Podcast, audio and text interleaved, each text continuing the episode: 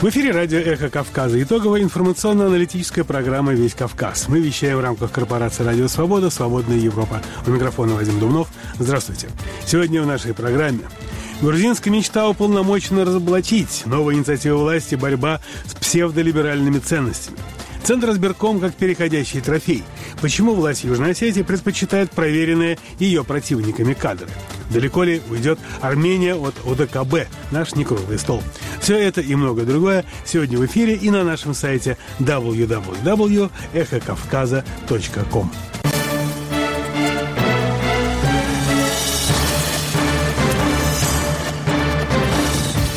В эфире радио «Эхо Кавказа». Итоговая информационно-аналитическая программа «Весь Кавказ». У микрофона Вадим Дубнов. Нечистоплотным предвыборным пиар-шагом, стоящим под удар права человека в стране, назвали оппоненты грузинской власти ее новую инициативу – закон против ЛГБТ-пропаганды и псевдолиберальных ценностей. Об этом решении Политсовета на этой неделе сообщил лидер парламентского большинства Мамука Мдинарадзе. И он уже успел обвинить в ЛГБТ-пропаганде всех критиков инициативы из оппозиции и гражданского сектора. Подробности у Мзии Парисишвили. Опасения правозащитников и оппонентов власти по поводу инициативы грузинской мечты принять закон о запрете ЛГБТ-пропаганды не заставили себя долго ждать. Лидер парламентского большинства, исполнительный секретарь грузинской мечты Мамукам Динарадзе сообщил, что намерены буквой закона защитить общество от грядущей ЛГБТ-пропаганды и распространения псевдолиберальных ценностей. При этом Динарадзе сокрушался, что в некоторых странах детям запрещают называть родителей мамой и папой, что у родителей есть право не указывать пол при рождении своих детей, а уже сегодня Мамукам Динарадзе, изучив реакцию критиков, СМИ, СМИ и соцсети, обвинил всех в пособничестве ЛГБТ-пропаганды. При этом он ссылался на утверждения, исследования, статистику, не называя ни стран, ни организаций, которые подтвердили бы достоверность его утверждения о том, что масштабы ЛГБТ-пропаганды могут стать угрозой для страны. В прошлом и позапрошлом году в официальных структурах, я имею в виду наших дружественных стран, не были учтены оговорки на запрет использования таких слов, как мама и папа, дочь, сын и так далее. А теперь они появились. Наводящим тревогу всем заботливым родителям голосом Динарадзе продолжал утверждать, что намерены принципиально защитить будущее поколение от вредных влияний. Динарадзе отметал все критические вопросы журналистов о том, том, что не обернется ли эта инициатива ограничением правах человека или же историей, как это было в случае с попыткой принять закон, аналогичный российскому, об иноагентах, и не повредит ли этот будущий закон процессу начала диалога с Брюсселем о вхождении Грузии в Евросоюз, как это предположили накануне часть правозащитников и оппозиционеров. Тинарадзе взыграл на патриотические чувства с пафосом. Грузинский мужчина и женщина, гражданин Грузии, никогда не отступит от правды, не откажется от национальной идентичности взамен на европейство. Опасения парламентского большинства уже успел разделить премьер-министр Агли Кубахидзе, пообещав содействие правительства в случае необходимости, но главное отметил, что законопроект должен быть составлен с учетом всех конституционных норм о защите прав человека. Этого обещал и депутат Силы народа из парламентского большинства Гурама Чарашвили, один из авторов и инициаторов еще одного скандального законопроекта об иноагентах, вызвавших в марте прошлого года масштабные акции протеста. На этот раз депутат депутат Мачарашвили, прославившийся как один из ярых антизападников, такой протестной волны не ждет.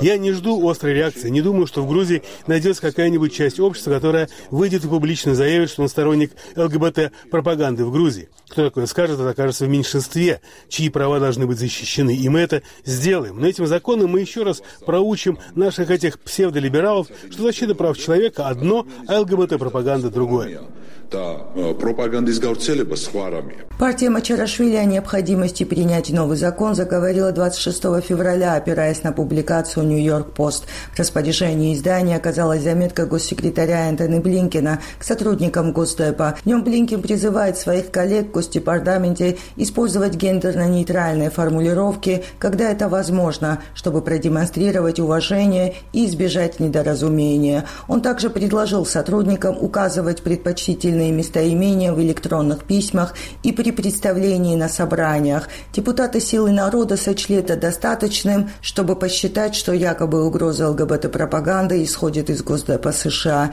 и что скоро все это будет навязываться на Грузию. Спикер Шалва Папуашвили в тот же день подхватил идею 26 февраля. Он для формальности, хотя и сказал, что у каждой страны свои правила, но закономерным посчитал предположить. Само собой ожидается, что в скором времени в Грузии тоже появятся активисты, которые скажут нам, что монумент «Мать Грузия» больше не должен так называться. Почему такое значение депутаты правящей силы придали письму Блинкина к своим сотрудникам, не скрыла своего удивления посол США Робин Даниган 28 февраля, когда она предстала перед парламентом с докладом. Это не связано с Грузией. Что касается языка гендерно-нейтральной формулировок, в грузийском языке также нет местоимений, обозначающих пол, гендер. Думаю, это интересно. Я гордая мать, сестра, жена, и думаю, каждый должен использовать те формулировки, которые проявляют уважение других, цитирует слова посла IPN. Депутат из стратегии Агмашенебели Пата Манчгаладзе, критикуя инициативу партии власти, заявил – я эту инициативу назвал бы инициативой отчаявшихся фарисеев. Приближаются выборы, им понадобились голоса прихожан церкви. И они стали утверждать, что такие праведны. А что они на самом деле сделали для того, что с 12 лет их правления в стране жизнь шла по правилам истинной веры? Политолог, директор Центра европейских исследований фонда Ронделика Хагогулашвили также считает, что инициатива правящей силы продиктована желанием угодить в том числе и избирателям ультрарадикального толка. Ну, абсолютно, абсолютно, я бы сказал, абсурд это вообще в Грузии вот э, принимать закон о запрещении там пропаганды. Как будто бы ЛГБТ-активисты у нас вот прямо лезут в семьи и угрожают испортить всех детей и тому подобное. Это все надуманные, конечно, какие-то проблемы. Но с помощью этих надуманных проблем они создают себе потенциальных сторонников. Выполнение девяти рекомендаций Евросоюза и все вопросы евроинтеграции властям нужны настолько, насколько они помогут им остаться у власти, продолжает Гугулашвили, напоминая, что 85% населения за евроинтеграцию столько же считает себя частью православной церкви. Но в то же время они хотят интегрироваться есть, э, на своих условиях. На условиях, что они не уступят там грузинскую мораль э, ни в коем случае и наши традиции не будут забыты и тому подобное. Э, как будто бы в Европейском Союзе только над теми работают, чтобы уничтожить традиции малых народов, малых государств, такие как Грузия, и как будто бы Европейский Союз создает какую-то угрозу. Возмущается Каха Гугулашвили. Грузинская мечта, новый законопроект о запрете ЛГБТ-пропаганды собирается инициировать в парламенте через две недели. Зия Парисишвили, Эхо Кавказа, Тбилиси. В Грузии может подорожать бензин. Страна по-прежнему испытывает топливную зависимость от России, которая ввела с 1 марта запрет на экспорт бензина. Грузинские бизнесмены, занимающиеся импортом топлива, уже накопили опыт работы в таких условиях в прошлом году, и дефицита, по мнению экспертов, не ожидается. Но могут подняться цены на бензин марки «Регуляр» на 5-7%. Перспективы рынка исследовал Иракли Рагвелидзе. Прошлой осенью правительство России уже запрещало экспорт топлива. Тогда причиной стал резкий рост оптовых цен, и доля российского топлива на рынке Грузии снизилась с 80 до 50 процентов. Цены выросли при этом на 15-20 процентов. Импортерам пришлось возвращаться на стабильные, но дорогие европейские рынки. К примеру, компания «Ромпетрол» получает топливо на румынских нефтеперерабатывающих заводах. Импортеры также работают с болгарскими предприятиями, которые являются собственностью компании «Лукойл».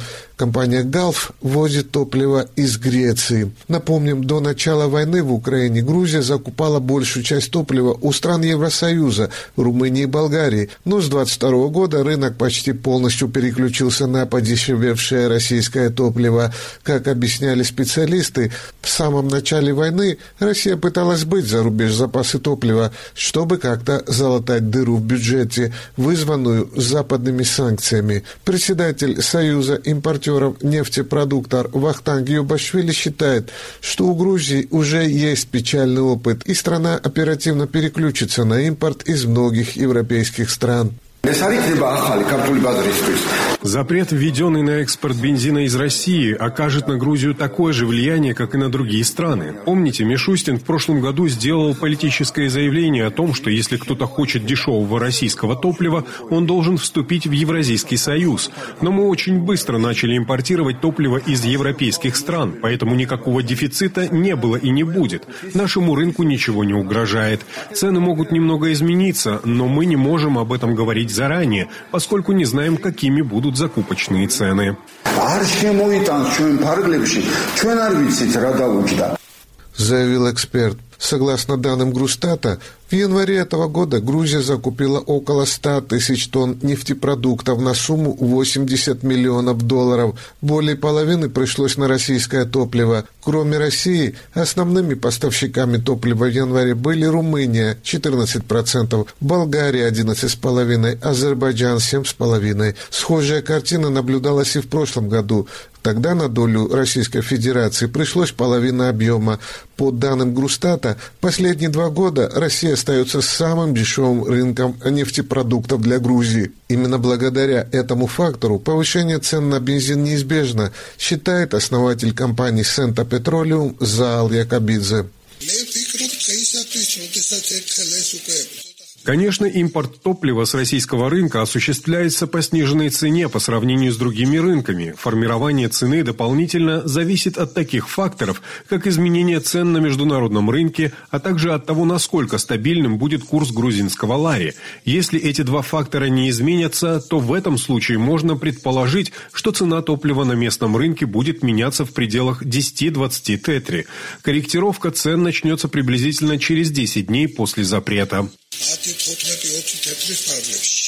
На рынке Грузии бензин из России представлен в основном маркой «Регуляр». Его цена колеблется на уровне 3 лари за литр. По словам экономического аналитика грузинского отделения Transparency International Бесуна Мчавадзе, грузинским компаниям нужно максимально дистанцироваться от проблемного направления.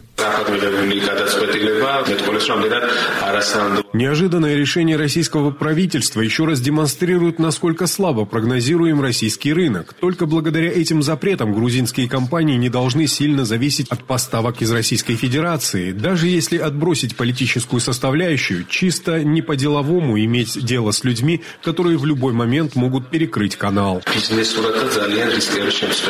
Впрочем, по всей видимости, грузинскую мечту эта проблема особенно не волнует. Председатель комитета по процедурным вопросам и регламенту парламента Иракли Кадагишвили говорит, что не видит никаких вызовов. Грузия – страна с открытой экономикой. Она не зависит полностью ни от одного рынка, в том числе от российского. Если Россия по той или иной причине прекратит экспорт тех или иных товаров, у нашего бизнеса будет множество альтернатив по любому из направлений. Импортеры завезут и зерно, и бензин, если Россия запретит их экспортировать. Между тем, похоже, что проблемы с топливом намечаются и у двух самопровозглашенных образований Абхазии и Южной Осетии. Согласно публикациям в российских СМИ, несмотря на то, что временный запрет на экспорт не касался согласованных объемов поставок в Абхазию и Южную Осетию автозаправочные станции Юго-Сет нефтепродукта не функционировали более 10 дней из-за дефицита бензина. С сегодняшнего дня поставки возобновились, и по информации министра экономики Сармата Кутаева, отсутствие топлива было связано с тем, что в январе окончательно устанавливались условия контракта с Роснефтью, которая является единственным поставщиком нефтепродуктов. Ранее схожие проблемы наблюдались и в Абхазии, при причем то время, когда оппозиция выступила против решения российского правительства, согласно которому возить нефтепродукты в Абхазию могут лишь Роснефть и ее бизнес-партнеры. Мы считаем, что данное постановление нарушает экономические права, свободы самих компаний России, которые многие годы сотрудничают с топливными компаниями Абхазии, говорилось в обращении оппозиции от 5 февраля. По мнению многих аналитиков, запрет на экспорт российского бензина обусловлен войной в Украине. В январе-феврале четыре нефтеперерабатывающих завода в России, в том числе в Волгограде, Краснодарском крае, Туапсе и Усть-Луги, были повреждены в результате атак украинских беспилотников. Тогда же крупная поломка произошла на Нижегородском НПЗ. Из Тбилиси Иракли Орагвелидзе специально для «Эхо Кавказа». В Абхазии все внимание на этой неделе было приковано к парламенту, самопровозглашенной республики, в котором на рассмотрении находится несколько вызывающих острое недовольство законопроектов. Оставался в информационной повестке и глава МИД Инал Ардзенба, который продолжает свою борьбу с международными организациями. Итоги недели подводит редактор абхазской нужной газеты Изида Чаня. На сайте нужной опубликована аудиоверсия этого материала, мы предлагаем ее вашему вниманию. На нынешней неделе в центре внимания общественности была сессия парламента. В повестке дня значился вопрос о внесении поправок в статью Уголовного кодекса о клевете. Поправки, представленные прокуратурой, без сомнения, появились во исполнение указания главы государства, который умудрился публично призвать правоохранителей к борьбе с инакомыслием на отчетном заседании коллегии прокуратуры. Прокуратура решила облегчить себе данную задачу и получить право называть клеветой всю неугодную президенту и его окружению информацию, прозвучавшую как в социальной сети, так и в любом другом пространстве. Принятие поправок позволило бы прокуратуре возбуждать дела без заявлений униженных и оскорбленных на основании каких-то внутренних ощущений, наверное, генерального прокурора. Общественность, правозащитники и журналисты накануне заседания сессии парламента отвлеклись от всех других дел и тем и подняли такой шум, что из повестки дня поправки к статье о клевете выпали, а их существование в повестке дня еще вчера свидетельствовало только наличие на заседании парламента прокурора Адгура Агарба, который должен был выступать основным докладчиком по данному вопросу. Главные аргументы противников принятия поправок – ограничение свободы самостоятельности самовыражение, что же само по себе нарушение основополагающих законов Абхазии, преследование оппонентов власти, фактическое установление цензуры вопреки закону о СМИ и праву граждан на доступ к информации. Прогнозируемые последствия сужения информационного пространства до подконтрольных власти СМИ, ухудшение ситуации с нарушением прав человека, повышение уровня коррупции и, конечно, кардинальная смена курса с демократического на авторитарный.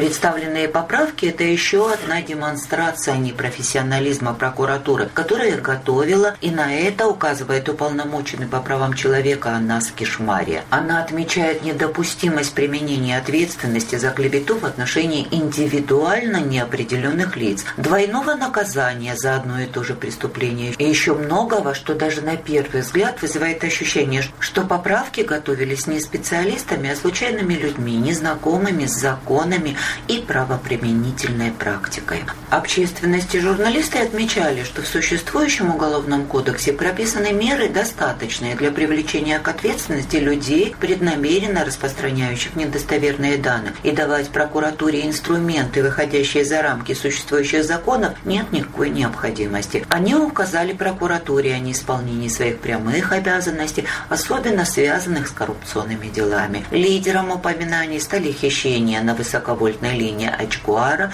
и подарки олигархов сотрудникам администрации президента.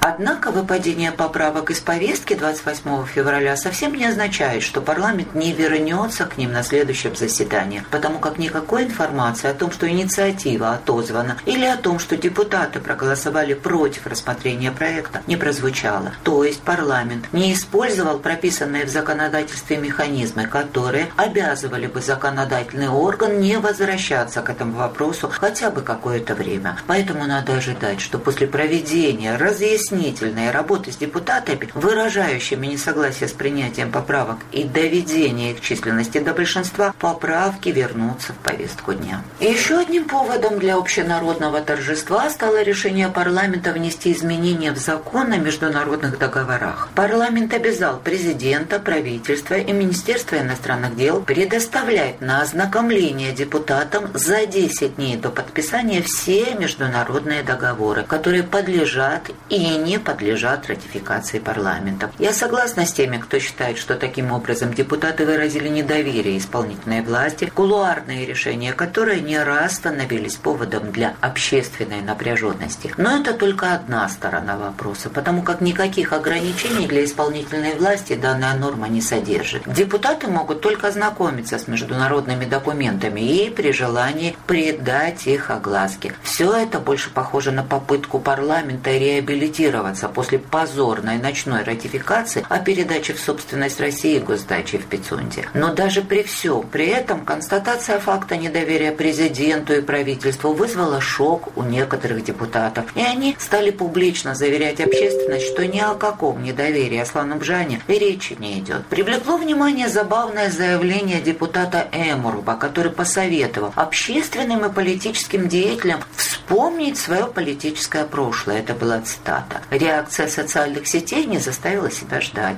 И видео с Эмурба, штурмующим МВД в 17 году, свергающим главу администрации Творчальского района в 20 году с единственным обвинением во главе района он хотел бы видеть человека, представляющего мужской пол, даже несмотря на то, что его мать родила. Это все были цитаты. В общем, есть у нас политики, которые за свою недолгую жизнь наговорили и наделали такого, что им лучше бы молчать, чем говорить. Но в обоими Асланабжане они, видимо, есть те самые последние патроны. Тем временем МИД Абхазии по-прежнему одержим шпиономанией. Министр Иналарценко на этой неделе опять играл в чекиста и налогового инспектора. Он вызвал к себе Вардана Ходжа, программного менеджера UNDP в Абхазии, и потребовал от него сменить цели и задачи ПРООН, которые наносят ущерб позиции ООН и противоречат ее целям. От высокой патетики министр перешел к вопросам финансирования и тому, как расходуют свои деньги ПРООН. Ультиматум министра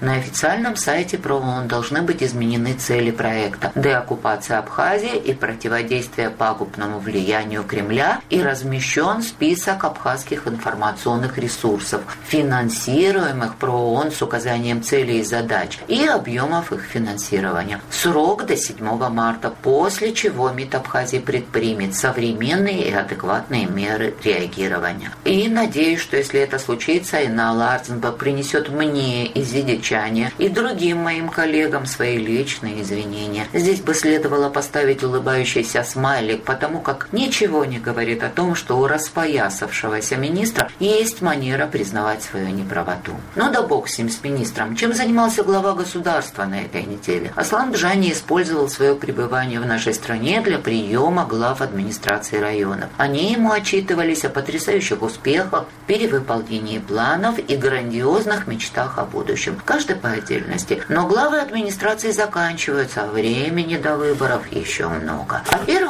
марта, видимо, в честь первого дня весны главой Конституционного суда избрана Сватья Аслана Бжани, Диана Пилья. Вот так создается весеннее настроение и ощущение радости перед Международным днем всех женщин и уверена, что на сей раз гендерных протестов от теперь уже депутата Эмарупа не будет. К неполитическим новостям побережье Сухума усыпано трупами чомги. Государственные экологи утверждают, что это нормальное сезонное явление, а те экологи, которые могут не сегодня-завтра стать иноагентами, пытаются спасти водоплавающих, собирая обессиленных животных на берегу и выхаживая их собственными силами.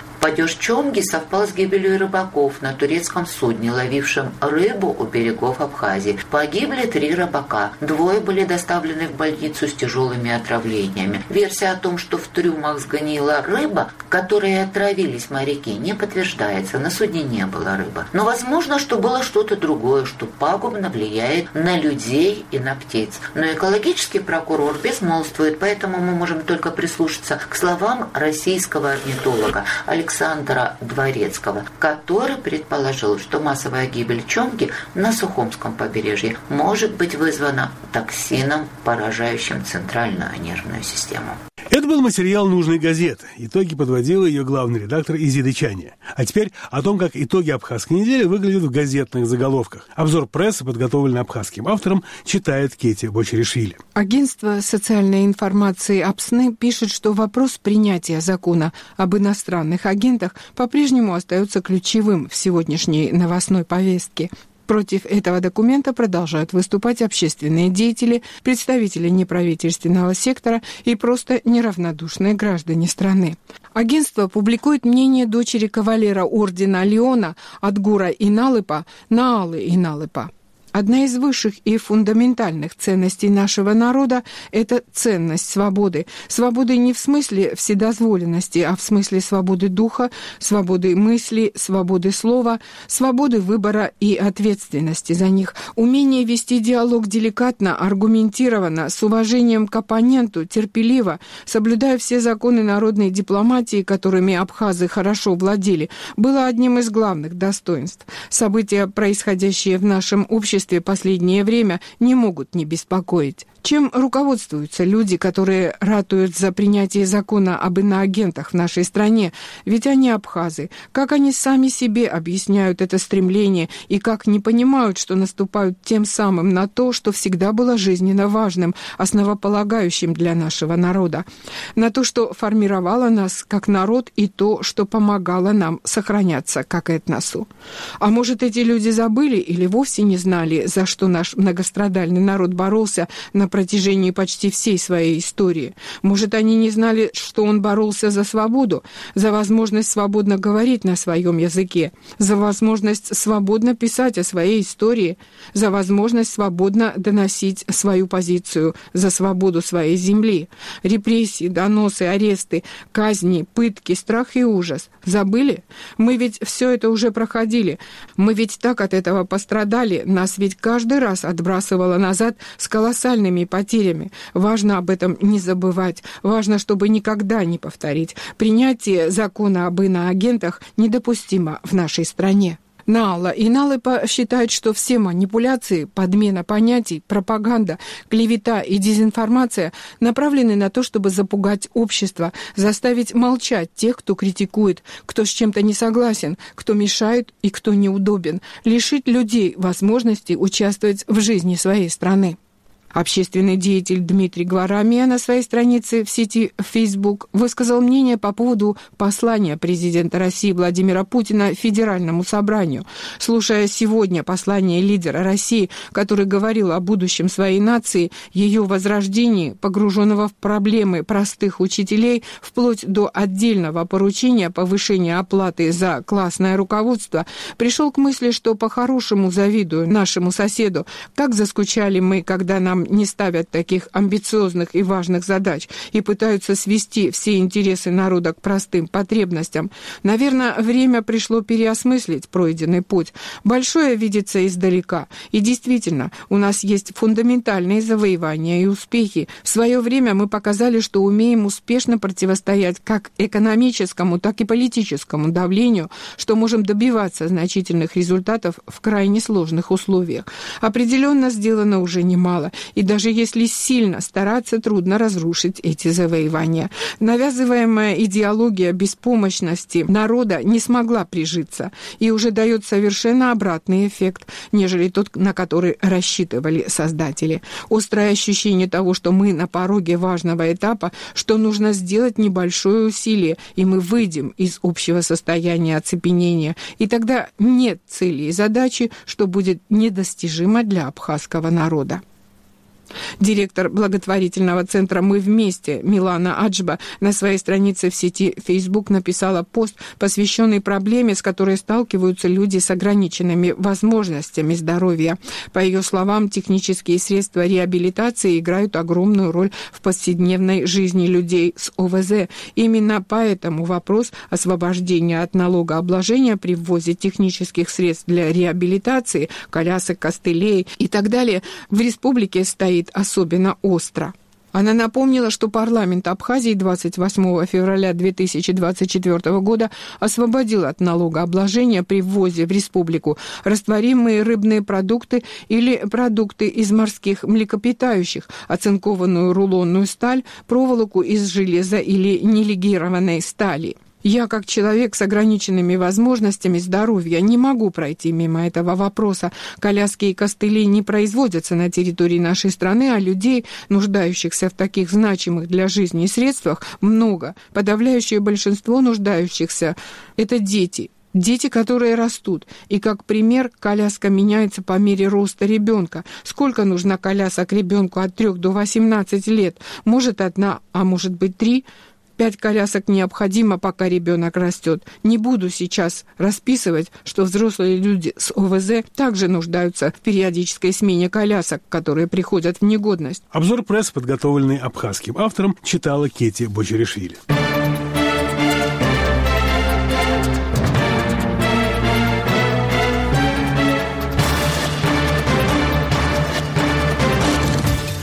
В эфире радио «Эхо Кавказа». Вы слушаете итоговую информационно-аналитическую программу «Весь Кавказ». Время короткого выпуска новостей. Израильская сторона в основном приняла предложение о шестинедельном перемирии в секторе Газа с палестинской группировкой «Хамас», признанной террористической в США и Евросоюзе.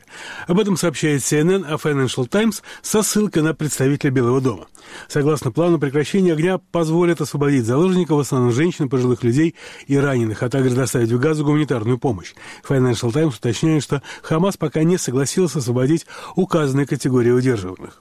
СМИ сообщают, что представители палестинской группировки США и Катара уже приехали в Каир для продолжения переговоров по обменной сделке. Прибытие израильской делегации ожидается.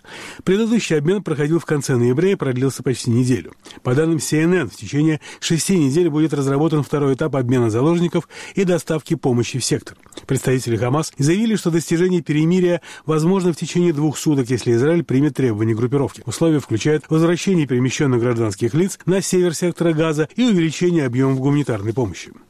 Число погибших в Одессе в ночь на субботу в результате попадания российского дрона типа «Шахет» в многоэтажный жилой дом возросло до 10. О том, что из-под завалов достали тело девятой жертвы, сообщила утром в воскресенье служба по чрезвычайным ситуациям. Позднее глава Одесской областной военной администрации Олег Кипер написал, что рядом с телом погибшей женщины спасатели обнаружили труп ребенка, предположительно в возрасте до года. Ранее под завалами спасатели нашли тела трехмесячного ребенка и его матери. Об этом сообщили глава Одесской администрации Олег Кипер и министр внутренних дел Украины Игорь Клименко. Спасательная работа продолжается, под завалами еще могут оставаться люди.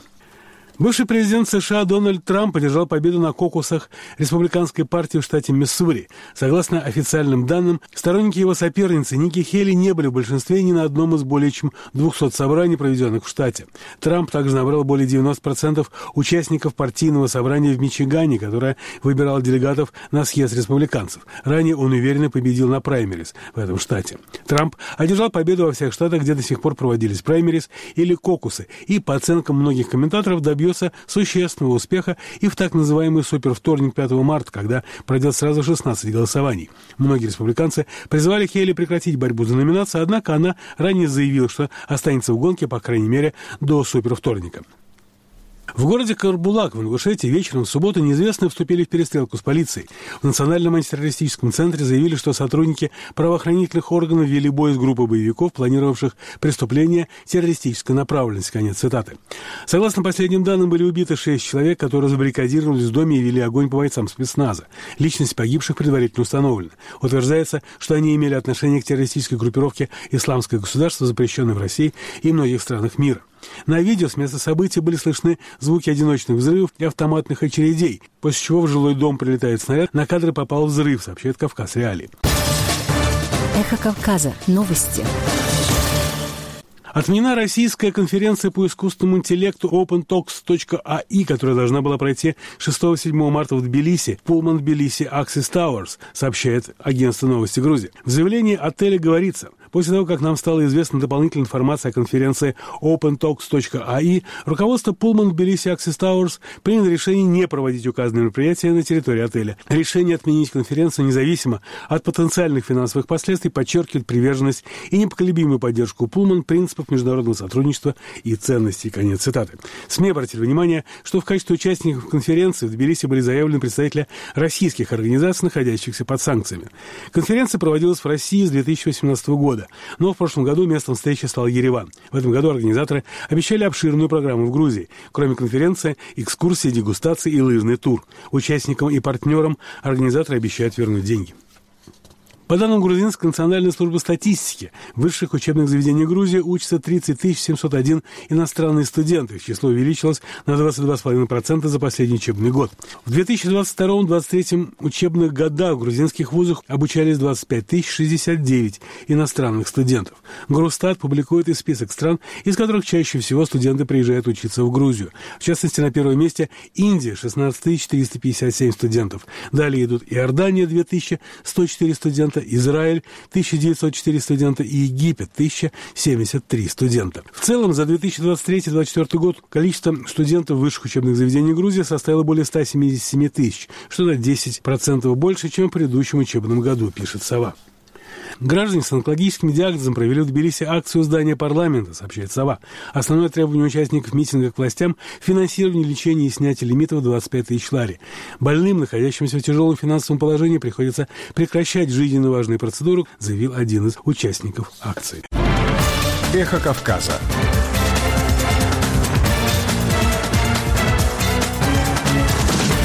Репортажи, экспертные оценки – социальные и культурные новости. Из Тбилиси, Сухуми, Схинвали. Наш адрес в интернете – эхокавказа.ком Эхо Кавказа. В эфире радио «Эхо Кавказа». У микрофона Вадим Думнов. Продолжаем нашу итоговую информационно-аналитическую программу «Весь Кавказ». Премьер-министр Армении Никол Пашинян сделал очередное заявление на тему отношений своей страны с ОДКБ, в частности и с Россией вообще, которое было воспринято как очередной шаг в конфронтации Еревана с Москвой. Действительно ли Армения намерена выйти из ОДКБ и, возможно, разорвать другие союзнические связи? Насколько она готова к изменению внешнеполитического вектора вообще? Эти вопросы обсуждаем за некруглым столом с президентом Ереванского регионального центра демократии и безопасности Тиграном Григоряном и основателем информационного агентства «Алик Медиа» Арсеном Харатяном. Не круглый стол. Каждую среду на радио «Эхо Кавказа».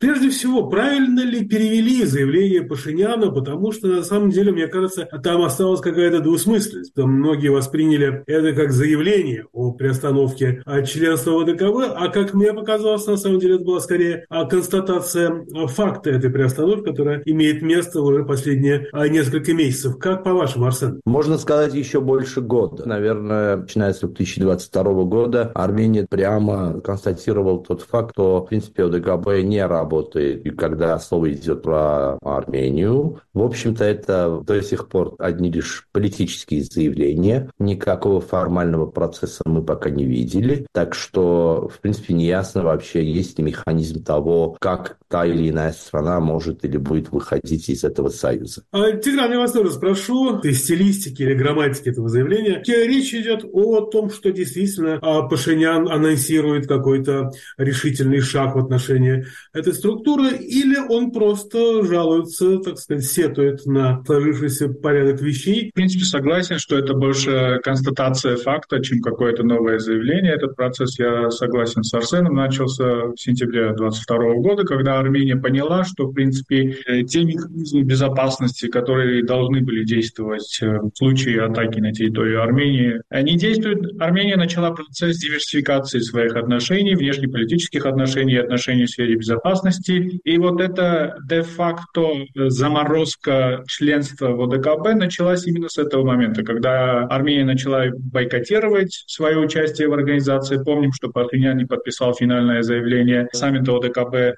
в Ереване. Ереван демонстративно отказывался и отказывается от участия, например, в военных учениях ОДКБ. Ереван отказался от, от квоты на должность заместителя генсекретаря ОДКБ. Проблема вот этих интервью Пашиняна западным изданиям состоит в том, что очень часто контекст пропадает в этих интервью. То есть он говорит что-то, то очень хорошо известно внутри Армении, но внешней публике все эти нюансы, конечно, неизвестны, и поэтому вот делаются такие выводы. Очень часто такие заявления становятся заголовками вот этих интервью или публикаций, и вот они создают такую ситуацию, когда появляется вот такая дипломатическая напряженность. Арсен, а действительно появляется дипломатическая напряженность? В Москве действительно воспринимают это так чувствительно и, и нервозно, или, в общем, это как бы такое изображение чувствительности и нервозности с пониманием того, что это скорее внутриполитические акции? Я думаю, что воспринимается это, конечно, нервозно, хотя я не уверен, что более нервозно воспринимается. Скажем, адаптирование Римского статута или поездка э, супруги Пашиняна в Украину, или, скажем так, сейчас обсуждается вопрос пограничников ФСБ из аэропорта Звартноц, вы, вывез этих пограничников. Я не знаю, что более нервозно воспринимается. Столько всего происходило за последние месяцы или два года, что... Но факт в том, что это, в принципе,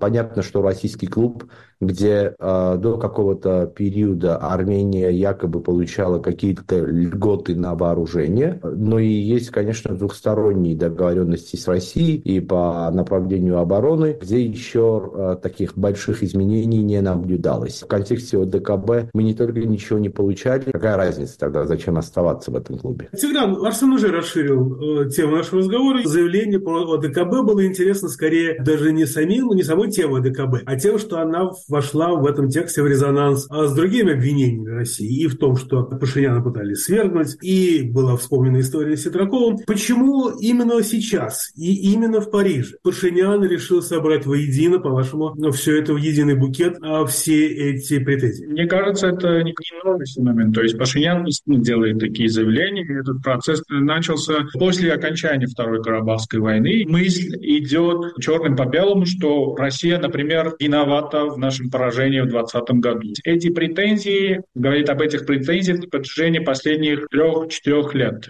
И в этом плане я не вижу ничего экстраординарного, что он, а, например, в этом интервью телекомпании «Франс-24» он сделал такие заявления. Я, может быть, даже не о сути заявления. Мне просто мне показалось, что это было достаточно демонстративно. Мне кажется, основная цель таких заявлений – это как раз демонстративная цель. То есть показать Западу, что есть процесс удаления от российских структур ОДКБ в Ереване думают, что такими заявлениями можно получить какую-то дополнительную поддержку со стороны Запада. То есть в целом, если посмотреть, почему делаются эти заявления, почему, например, состоялась поездка Анны Акопян э, в Украину, или почему Пашинян уже много раз заявляет, что в вопросе Украины мы являемся союзником России. Это все делается для дистанцирования Армении э, от России в ситуации, как многие западные акторы ставят условия для углубления сотрудничества с Арменией именно э, это дистанцирование. А, Арсен, мне еще увиделось в этих заявлениях какая-то ну, такая же нарочитая недоговоренность. Когда э, Пашинян говорит о Сетракове, он говорит об этом э, спустя полгода после того, как это случилось, и поезд, в общем-то, ушел. Когда идет речь об, ОДКБ, мы еще раз подчеркиваем, что речь идет о констатации, о, а не о выходе. А когда сейчас идет, уже сейчас речь не об интервью даже, когда речь идет о выводе российских пограничников из Звартноса, а не идет речь о выводе российских пограничников вообще. А Звартноса, ну, не самое впечатляющее место их пребывания. Это работает на версию Тиграна о том, что это скорее демонстративные какие-то а, символические шаги, или есть в этом какая-то реальная а, ну, политическая подкладка? Ну, я не соглашусь с тем, что Звартнуц – это не самое демонстративное место. Мы блокированы со стороны Азербайджана и Турции. Единственная другая граница, которая, где русские пограничники стоят до сих пор, это граница с Ираном на юге, а на севере это единственная граница Армении, где русских пограничников нет. Визуально или с точки зрения оптики это довольно-таки серьезно воздействует. Вы представьте, европеец или американец или кто-либо другой, который прилетает в Армению, и вот на границе их встречают какие-то русские ФСБ. Это очень серьезная тема, и не раз я в свое время еще лет 20 назад работал в области туризма, это первый вопрос, который задавали. Так что я бы не рассматривал это таким символическим шагом. А тут еще есть, конечно, политическая правовая база. Есть, э, как вы знаете, значит, российская вторая база в Гюмри, там работает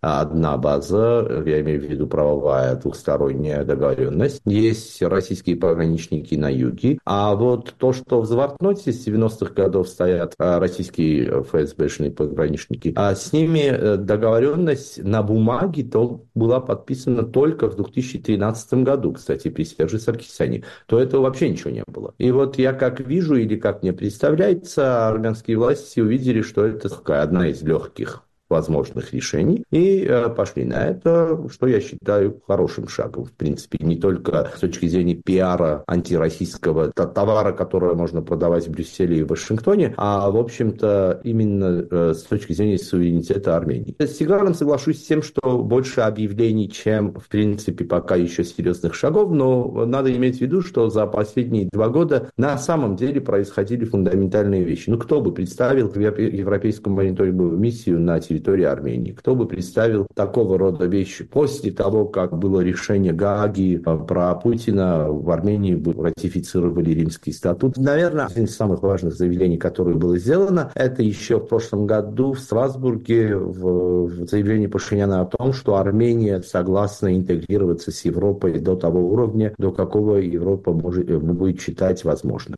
Тигран, насколько системно эта попытка отдалиться от России и э, сблизиться с Западом, если я правильно понимаю, все-таки два разных процесса, да, и две разных а, технологии. И в какой степени они ситуативны, действительно завязаны на карабахский сюжет. А если сейчас что-то изменится, гипотетически, да, скорее всего, нет, да, есть объективные предпосылки, но если бы, фантазируем, что-то изменилось в карабахских подходах Москвы, а все это было бы забыто или это уже а, все-таки достаточно необратимый процесс? Ну, к сожалению, нужно отметить, что карабахская страница уже закрыта, и уже от подходов Москвы, можно сказать, сказать, ничего не зависит на, этом, на данном этапе. Я все-таки не соглашусь э, с ремарками Арсена про то, что это какие-то фундаментальные шаги, которые имеют под, под собой какую-то стратегию. Если, например, обсуждаем вопрос э, европейских наблюдателей, то это же понятно, что это результат российско-украинской войны. То есть до начала российско-украинской войны невозможно было бы представить ситуацию, когда Ереван мог бы, например, пойти на такой шаг. И это решение, можно сказать, больше вынужденное. Это решение было, было принято после сентября как раз 22 года, когда российские механизмы безопасности не сработали, и было осознание в Ереване, что нужно вот восполнять этот вакуум силы какими-то другими маленькими компонентами, которые, конечно, не могут полностью заменить российский фактор, но которые могут стать частью какого-то нового хрупкого а, баланса. Та же самая ситуация на самом деле и с, с ратификацией римского статуса. Этот процесс был начат задолго до того, как было решение по Путину. Вся проблема этой ситуации состояла в том, что армянская бюрократия настолько медленно работала, и армянские другие институты настолько медленно работали, что это все совпало именно с этим решением. То есть если бы там Конституционный суд принял бы это решение по конституционности пораньше, то, то этой ситуации вообще, вообще э, не было бы. В целом, если посмотреть на политику правительства Пашиняна после окончания войны 2020 года, то эта политика полностью была в сфере российских представлений. После, на самом деле, в конце Второй Карабахской войны Россия уже на, начала расползаться на юг в военном смысле, когда Россия получила, в принципе, военное присутствие в Сюнике, в других э, регионах Армении. Было решение об отправке войск в Казахстан, и в котором Пашинян принимал очень, активную роль. Он даже называл это активизацией инструментов ОДКБ, то есть даже ставил это как, как какую-то а, заслугу. Что касается заявления о том, что мы готовы интегрироваться э, в Европу, насколько Европа захочет, мне кажется, это как раз говорит о том, что нет никакой четкой политики, никакой четкой цели, потому что процесс евроинтеграции – это, прежде всего, решение государства, которое хочет интегрироваться. Европа вместо тебя не будет принимать решения и не будет говорить, насколько ты должен интегрироваться или нет. Между прочим, из той же серии заявлений о том, что мы не выходим из ОДКБ, но ОДКБ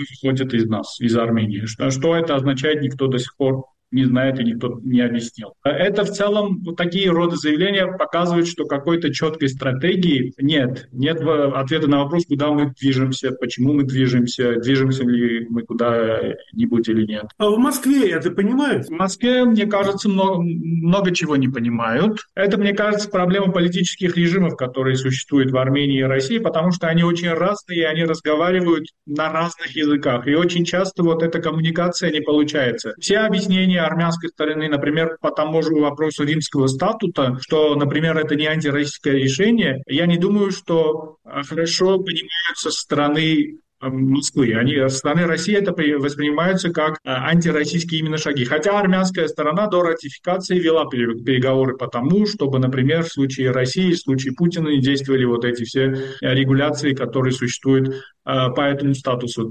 Поэтому я думаю, что нет, не понимают, но есть и другая ситуация, что, конечно, сейчас у России недостаток ресурсов на Южном Кавказе, и те шаги, которые могли бы быть приняты, например, до начала войны в Украине, если бы Армения пошла бы на такие шаги, сейчас, конечно, они не могут принимать такие шаги, даже если посмотрим на э, экономические инструменты давления. Сейчас есть, конечно, какие-то сигналы, а вот эта вся ситуация с Джермуком и до этого э, проблемы с Э, с импортом э, каких-то видов э, товаров. Ну, Россия сейчас понимает, что даже такие страны, как Армения, очень важны в плане экономического взаимодействия, и поэтому нет никаких резких шагов. Арсен, насколько велик еще ресурс дальнейшего отдаления Армении от России? Что еще она может сделать? И, сможет, и можно ли ожидать действительно каких-то конкретных шагов, а не таких вербальных акций? А, и каковы риски, с другой стороны? Многое всего еще может произойти. Мы дойдем до этого. Я просто просто, просто ремарка по поводу того, что Тигран сказал. Все правильно о том, что, конечно, многое начало происходить после украинской войны. Это может быть связано, и по всей вероятности так и есть. Но я говорю о том, что невозможно было представить года три назад, чтобы, или два года назад даже, чтобы армянские власти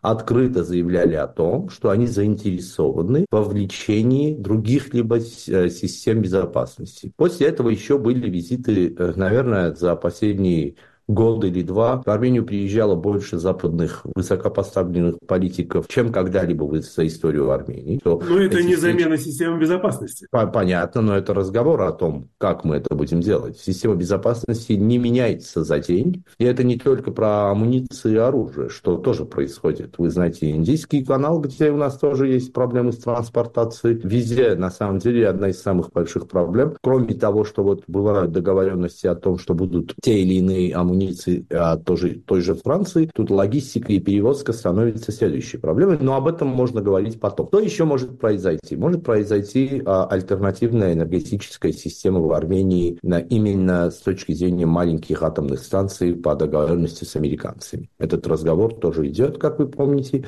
и договоренности об этом были еще в 2022 году, и я как вижу, тут какой-то прогресс намечается, что означает, что если даже не в ближайшем будущем, то такая альтернативная система энергетики, в принципе, может произойти в Армении. Второе, что интересно, это, конечно, до сих пор надо знать, что зависимость Армении от, от российского газа специфически, она ну, самая высокая, наверное, в регионе. Скажем, если Грузия больше зависит от азербайджанского газа, мы, э, в принципе, полностью на сегодняшний день зависим от российского газа. Там могут быть какие-то изменения, какие они могут быть, я не знаю. Технологически это возможно при доминировании «Газпрома» на территории Армении? В первую очередь, я бы хотел, чтобы э, с Россией и по поводу газа у нас были именно э, рыночные рыночные отношения, пусть цены на газ будут столько, сколько они на самом деле есть, и мы сами решим, откуда и как а, покупать газ. А, есть вопрос импорта и экспорта. А, тут, конечно, в сезон, когда мы вывозим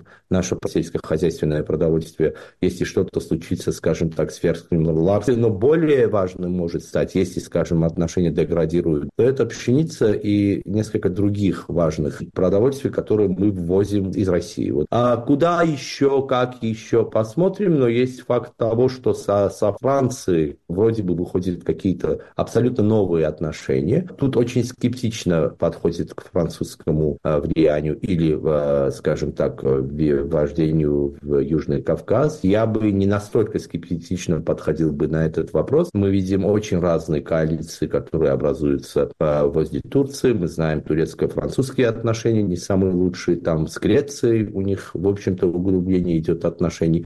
Одновременно те американские базы, которые были вывезены из Турции, в принципе, на Средиземном море, именно на греческих э, территориях с, французской, с французской кооперацией. Сегодня Пашинян в Греции, да, скажем так, после Франции полетел в Грецию. Святое место пусто не бывает. Если Россия на самом деле уходит, хотя бы или на, на, на, на сегодняшний день ослабляется или ослабилась до такого степени, что появляются новые силы, они появляются очень быстро, и а, по этому направлению прямо видно, что происходит. Тигран, насколько велики и существуют ли внутриполитические риски в вопросе отдаления от России? Насколько важен здесь фактор ну, дефицита, скажем так, популярности самого Пашиняна для подобного разворота? На самом деле я не думаю, что все-таки в ближайшем будущем будут какие-то фундаментальные шаги в этом направлении. Я, как уже сказал, конечно, в России очень нервно ко всему этому реагирует, но мне кажется, у Москвы все-таки есть какие-то красные линии, и эти красные линии более или менее понятны. То есть формальный выход из ОДКБ, например, мне кажется, для России является красной линией, это правительство не может не учитывать эту позицию России, что, да, позиции России стали более слабыми, но Россия все еще имеет очень огромное присутствие на Южном Кавказе. Вот это структурное влияние России на Армению очень большое, и в этих условиях невозможно это все учитывать. Что касается внутриполитических каких-то последствий вот этих шагов, я не думаю, что есть какой-то серьезный риск политической дестабилизации, потому что, да, у Пашиняна рейтинг маленький, но у других, то есть никого рядом на данный момент э, по популярности нет. То есть оппозиция, вот, которая сейчас существует, она, в принципе, содействует сохранению режима э, Никола Пашиняна и сохранению какой-то э, стабильности. В этом плане я не думаю, что у России есть какие-то серьезные рычаги для дестабилизации ситуации э, внутри страны, потому что общественное мнение тоже очень сильно поменялось с момента окончания войны, Второй Карабахской войны после сентября 22 года и после этнической чистки на Горном Карабаха. Сейчас общественное мнение по поводу России очень рекордно низко. И тот факт, что Россия может, например, кого-то поддерживать, это скорее отрицательный фактор, а не позитивный для этой политической силы. Гостями нашего некруглого стола были Арсен Харатян и Тигран Григорян. Накануне избирательной кампании в самопровозглашенной республике Южная Осетия оппозиционные ресурсы ополчились против председателя избиркома Эмилии Гагиевой. Пока не ясно, чего конкретно добивается оппозиция, но можно судить о причинах ее обеспокоенности. В этом пытался разобраться наш юго-осетинский автор. Эхо Кавказа. Кавказа. Информационные ресурсы Анатолия Бибилова развернули кампанию по дискредитации председателя Центра избиркома Эмилии Гагиевой под прицелом ее личной жизни и профессиональная деятельность. Гагиевой приписывает даже попытку госпереворота.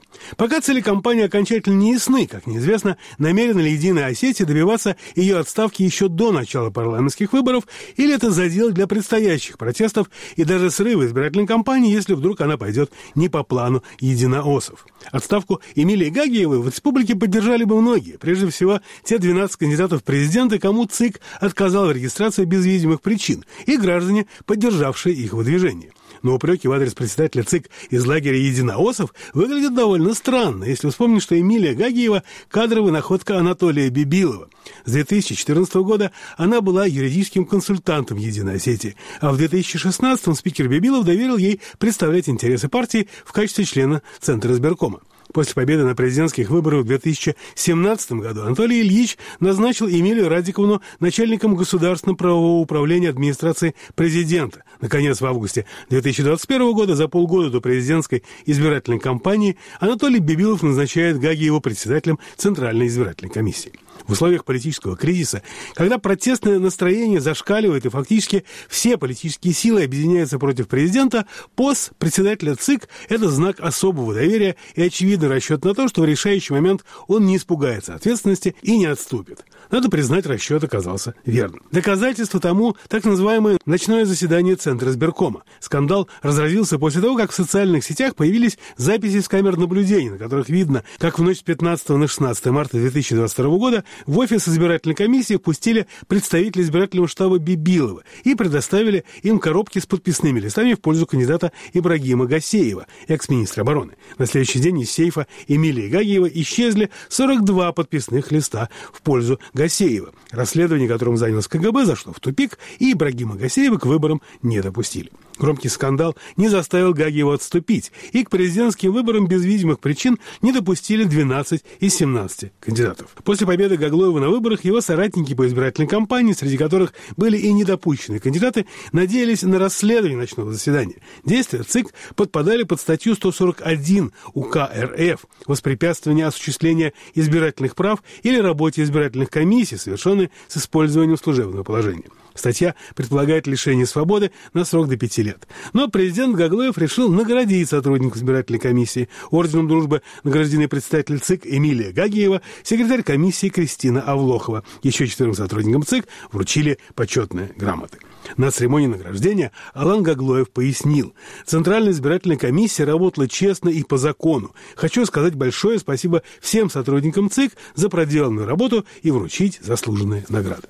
После церемонии некоторые вспомнили весьма странное заседание ЦИК накануне выборов, рождавшее подозрения о договоренности Гаглоева с избирательной комиссией. Тогда доверенный человек Гаглоева в ЦИК голосовал против регистрации в качестве кандидата Давида Снакоева, казалось бы, соратник по оппозиционной борьбе. Зато бибиловские представители поддержали регистрацию Алана Гаглоева. Кроме того, и отстранение от выборов Ибрагима Гасеева и еще 11 кандидатов упростило задачу для Алана Гаглоева. Он претендовал на поддержку электората Эдуарда Кокоэта и, по слухам, даже от Замбалата Тидеева. В этом смысле у президента Гаглоева не было личных причин для недовольства работой ЦИК. Очевидно, было желание оставить представителя Гагиева на должности и трезвый расчет. Отказываться от такого грозного оружия не было никакого смысла. Так что теперь пришла очередь Единой Осетии волноваться по поводу ее бойцовских качеств.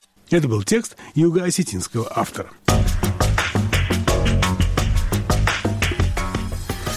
В эфире радио «Эхо Кавказа». Вы слушали итоговую информационно-аналитическую программу «Весь Кавказ». Мы вещаем в рамках корпорации «Радио Свобода», «Свободная Европа». Вел программу Вадим Дубнов. Всего доброго. До завтра.